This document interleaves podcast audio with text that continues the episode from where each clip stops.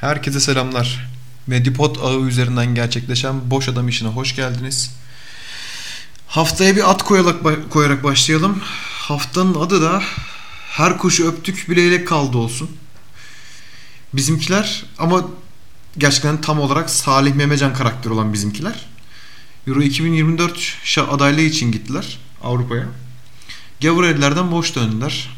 Döner dönmez de Osmanlı tokadı, işte Nusret Tuzu, dış mihraklar, bizi çekemiyorlar. Daha karar açıklanmasından 5 dakika sonra bunlar söylenmeye başladı. Zaten Mesut Özil'e de ırkçılık yapmışlardı. Biz de pek sevmezler Müslümanız diye. Demagoji de iyi iş yani. Kazanamazsan yaslan klişelere, takvimin sürü manşetleri, sabahın o yarım akıllı yazarları gibi. Kazanırsan zaten kralsın. Yani kazan kazan yapıyorlar.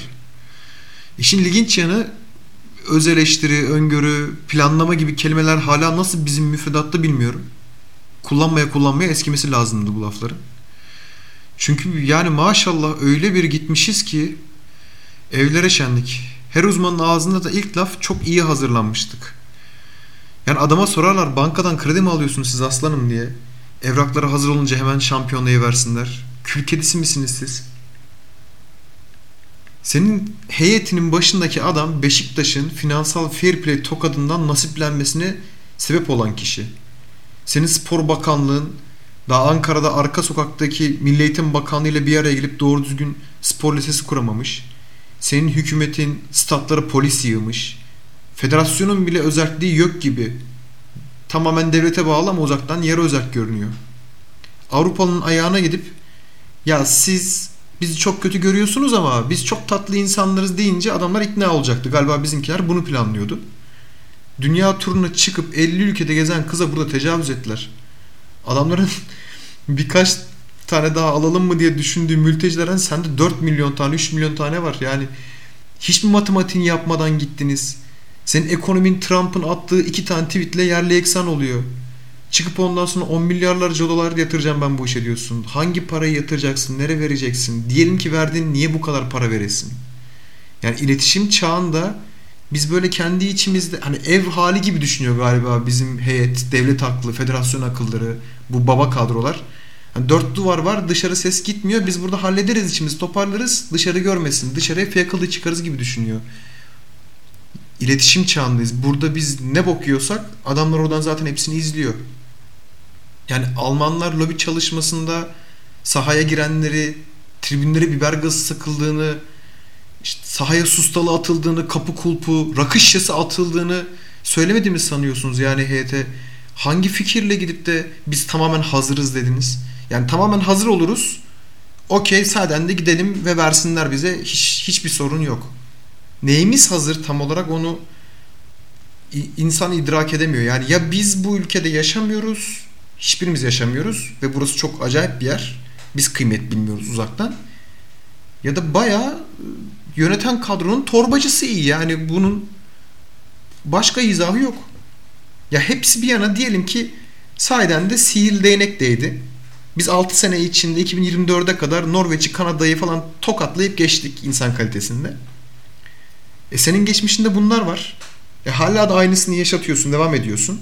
Yani bu önümüzdeki 6 yıla dair tam olarak neyi değiştirmeyi planladı bizimkiler? Şimdi insan kalitesini arttıracak herhangi bir yatırım yapmıyoruz.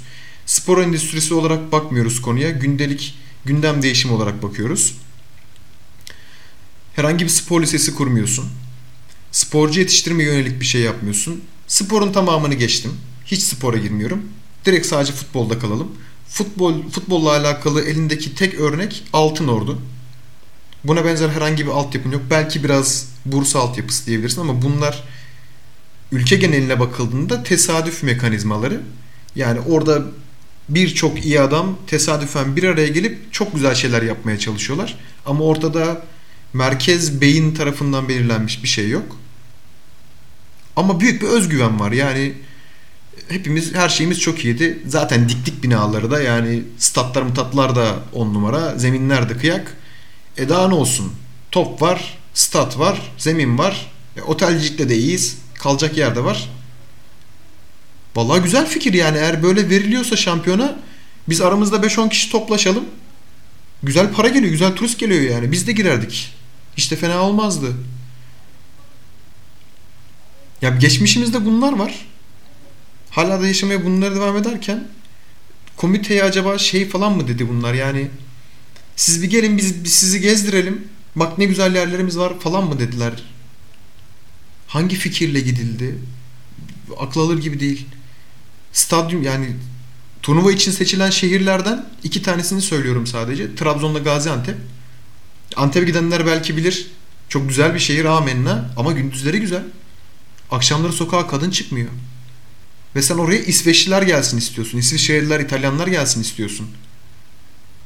Elinde 3-5 tane medeni şehir var zaten. Hala oy potansiyellerin, siyasi konjonktürlerin bozulmasın diye o şehirleri koyuyorsun. Lan oğlum İngiliz adam içip içip Konya'da sokağa yaşayacak. Konya'ya koymuşsun sen oraya. Adamlara ne olursa olsun gelmeyecek Konyalılar. Daha geçenlerde sevgilisiyle el ele tutuştu diye adam yediler iki sene önce Konya'da. Geçen sene Trabzon'da bir tane Portekiz diye şehir merkezinde tavuk gibi oradan oraya kovadılar. Bu gavurun burada ne işi vardır diye. Çevik kuvvet mi koruyacak şimdi o adamları? Esnaftan, taksiciden, taraftarları. Hani yazık edildi. Bence rezil olundu. 16 tane e, komite üyesinden 12'si Almanya'yı seçmiş. Diyelim ki bunların iki tanesi de düşmandı. Türklere karşı, Müslümanlara karşı. İkna edemedikleri niye edemedim peki? Yani hiç mi öz eleştiri getirmeyeceğiz biz bu meseleye? Bu böyle dağınık mı kalacak? Avrupalılar bizi sevmiyor, dış mihraklar, Amerika bizim düşmanımız, Almanya ekonomimizle oynamaya çalışıyor. Yani böyle diye diye biz işin içinden sıyrılacak mıyız? Akıl alır gibi değil. Yani hafta sonundaki derbiyi konuşmayı planlıyordum. Ee, Galatasaray'ın yenilgisini konuşmayı planlıyordum. Cüneyt Çakır'ın VAR'a karşı açtığı savaşı konuşmayı planlıyordum ama Yıldırım Demirören önderliğindeki heyetimiz sayeden de bütün haftanın gündemini yıkıp geçti. Başta e, Yıldırım Demirören'i tebrik etmek gerekiyor. Nus Nusret'i koydular. Yani ak akıl alır gibi değil. Nusret'i koydular. Şey gibi bu yani en büyük dans gösteriniz ne? Mevlevi haneler demek gibi bir şey ve bunu Avrupa'ya söylüyorsun. Ee, Twitter fenomen aklıyla bu işi yapmaya çalıştık. Yani Allah yar ve yardımcımız olsun hepimizin. Futbolu yönetenler bu.